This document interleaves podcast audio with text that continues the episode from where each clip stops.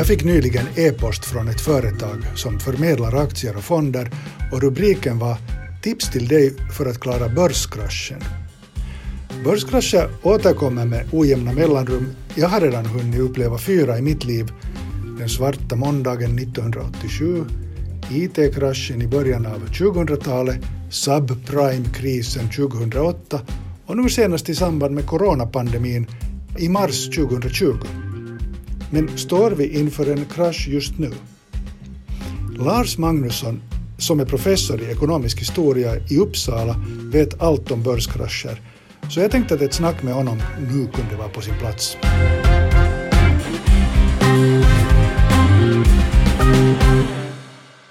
kris eller en krasch eller om man börjar med en, en, en ofta som en, en krasch föregås ju ofta av något man brukar kalla för en bubbla den, den blåses ju upp på marknaden någonstans av, av, av olika skäl och, det, vad det innebär är ju att priset, priset på olika typer av tillgångar och tillgångar det kan vara aktier, det kan vara fastigheter, det kan vara nästan vad som helst. Folk har ju, har ju liksom tagit de här tillgångarna på, på, på riktigt allvar. Man tror man, man har dem fast man, de finns på pappret. Min, mina, mina, mina aktier har stigit med 30 procent säger vi, sedan förra året. Och, och, då kan jag börja liksom agera utifrån det. Och jag kanske till, till och med börjar låna pengar för att med tanke på att jag har de här tillgångarna i, i ryggen så att säga. Och, men, men så faller de här tillgångspriserna plötsligt. Då, då, då, då har man ju, då har man visat sig det var ju bara en bubbla. Men är det så att, att de här krascherna sker så som du just beskriver på grund av att vi, som följd av att vi människor är giriga? Kan man säga det?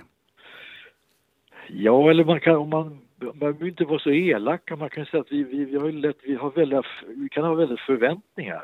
Vi, vi, vi drivs ju av förväntningar, vad vi tror ska komma att hända.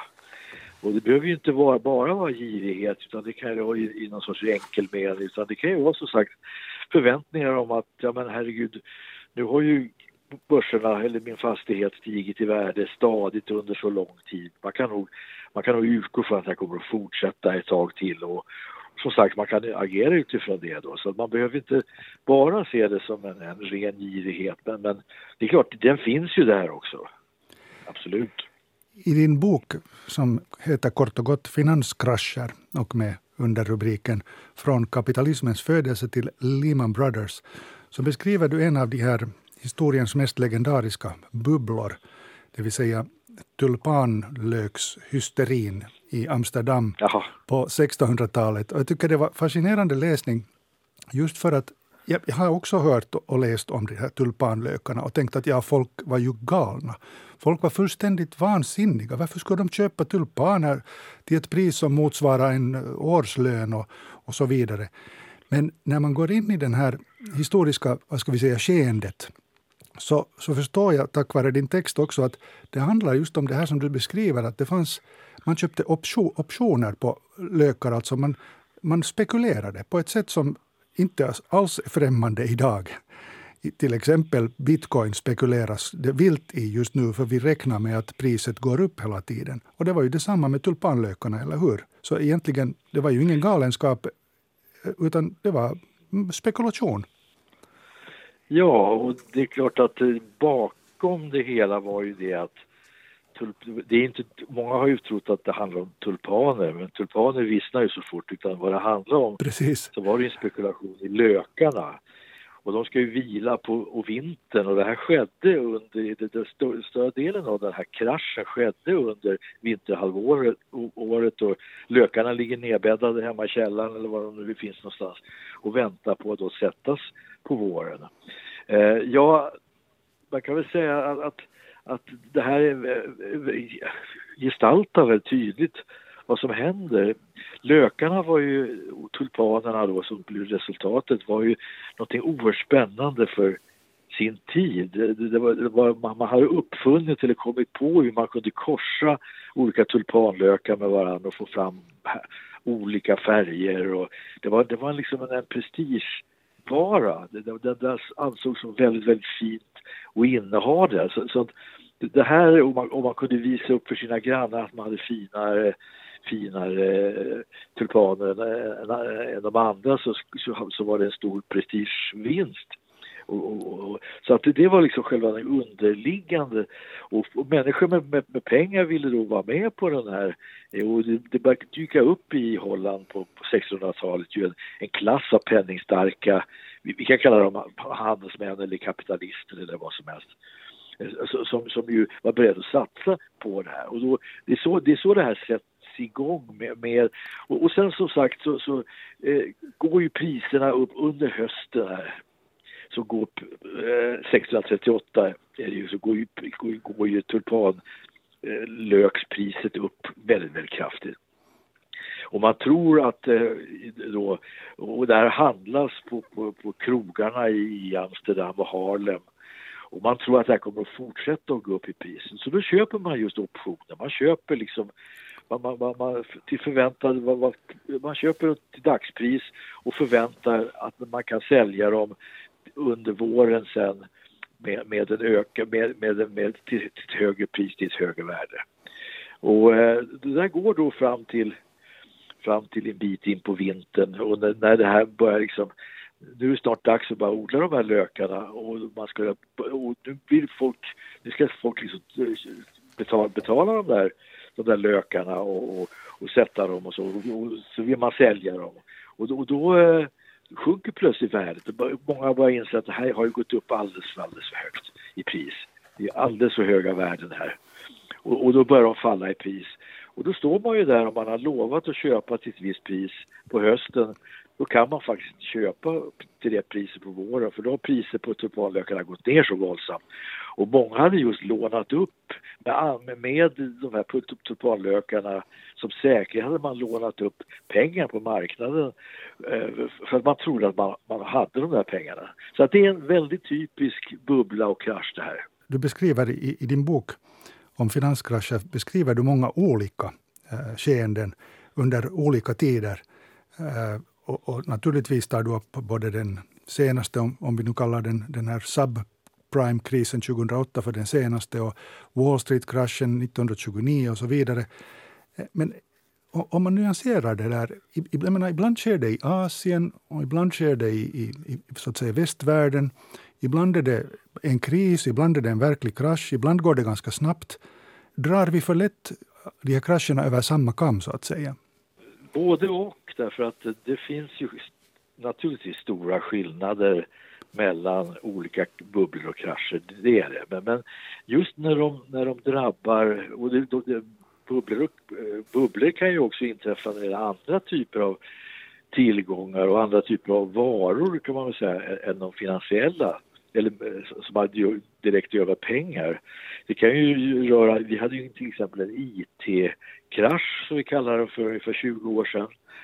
Eh, där tillgångsvärdet på aktier inom IT-sektorn plötsligt steg enormt förväntningarna var enorma på att eh, IT skulle ge snabba vinster och enorma vinster och så ble, blev det då inte riktigt när folk blev, blev pessimistiska plötsligt och, och började sälja så föll det där. Så att, men det, det drabbar en del av ekonomin men kanske inte hela ekonomin. Och så att eh, den här typen av, av krascher och bubblor kanske har vi hela tiden i en, i en marknadsekonomi kan man väl säga. Eh, men sen just när de, när de inträffar och handlar om det finansiella systemets eh, själva kärna då, och inte, och särskilt när det gäller pengar också, penningmarknaden, då, då, då, kan det, då blir det ungefär på det här sättet som jag har beskrivit. Där finns ju stora likheter. Eh, sen effekterna av, den, av de här krascherna och bubblorna är ju väldigt olika.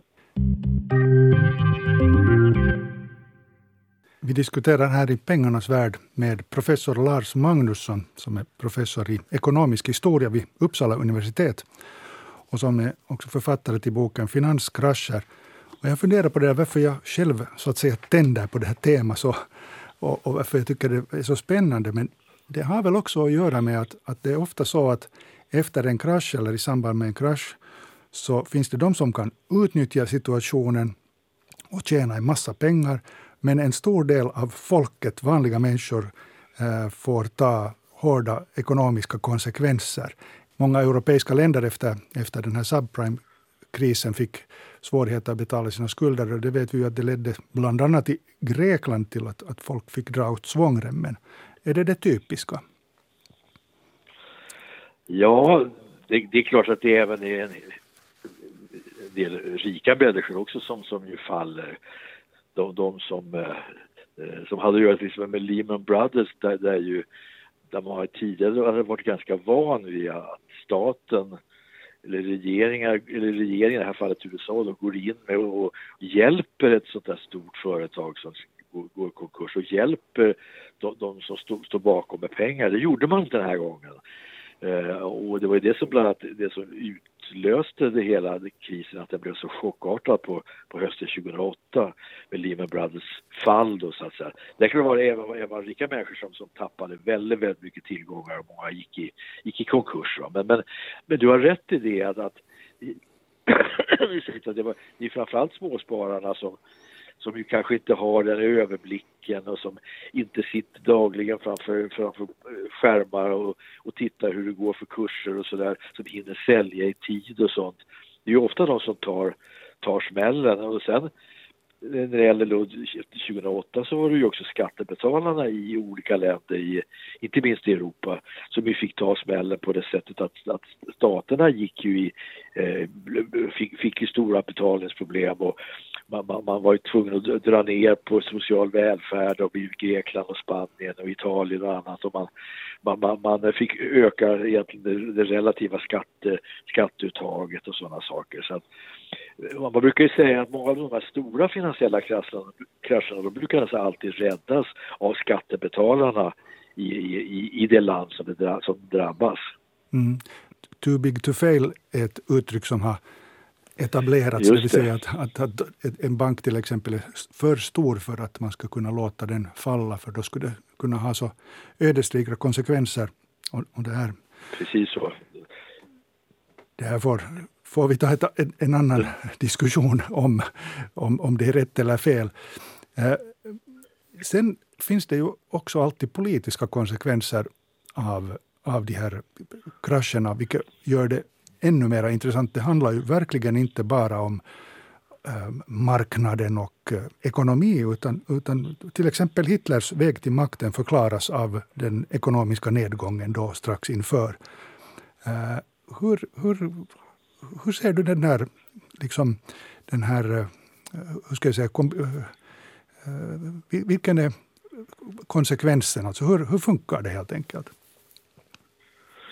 Ja, eftersom det ofta är så, så, så stora krascher som, som, som då påverkar alla så, så är det klart att det här får också politiska följder. I, i Tyskland efter 29, den, den, så, så, kom ju den här kraschen även i, i, Tyskland till Europa men med något års förskjutning då, något år in på 1930-talet riktigt på allvar.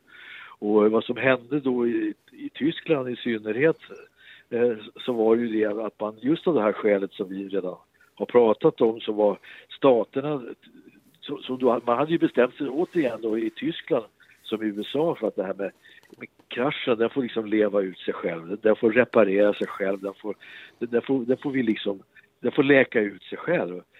Men, men det innebar då en enorm arbetslöshet i början på 1930-talet i Tyskland och eh, sjunkande skatteintäkter, en stat som gick på knäna eh, budgetmässigt. Och, och, så vidare. Och eh, den här typen av åtstram, arbetslöshet och, och åtstramningar som skedde i Tyskland strax före Hitlers tillträde som rikskansler eh, bidrog starkt. Det, det, tror jag alla som har som, som har tittat på, på de här skedena mer i detalj kan säga att det, det, till, till viss del i alla fall så skedde, berodde det på, på det här att, att Hitler kom till makten och det blev så total turbulens i det politiska systemet i Tyskland. Så visst, det här är ju mycket starka krafter. Jag menar, man kan dra parallellen till 2008-2009 då var det som sagt problemet, och i Europa i synnerhet, där, ju en, en del av de eh, problem som Europeiska unionen, EU, har haft under de sista tio åren eh, en del av de ökade motsättningar mellan, mellan länder inom, inom EU-blocket eh, problemet inom eurozonen som inte minst ni som är i Finland känner till bättre än vad vi gör i Sverige. Många av de här sakerna är ju kopplade till de typ av statsfinansiella problem i första hand då som, som, som utlöstes 2008-2009 av krisen. Så att även här har ju så att säga, de politiska följderna blivit tydliga. Eh, fast på ett annorlunda sätt då, gudskelov hittills i alla fall, än, än, än i Tyskland på, på 30-talet. Mm. När man sen tänker på dels eh, politiska konsekvenser som kan vara allvarliga och, och, och dels då på det att det ofta är vanliga löntagare som får ta notan, så, så uppstår ju den här frågan att, att går det att undvika bubblor och finanskrascher?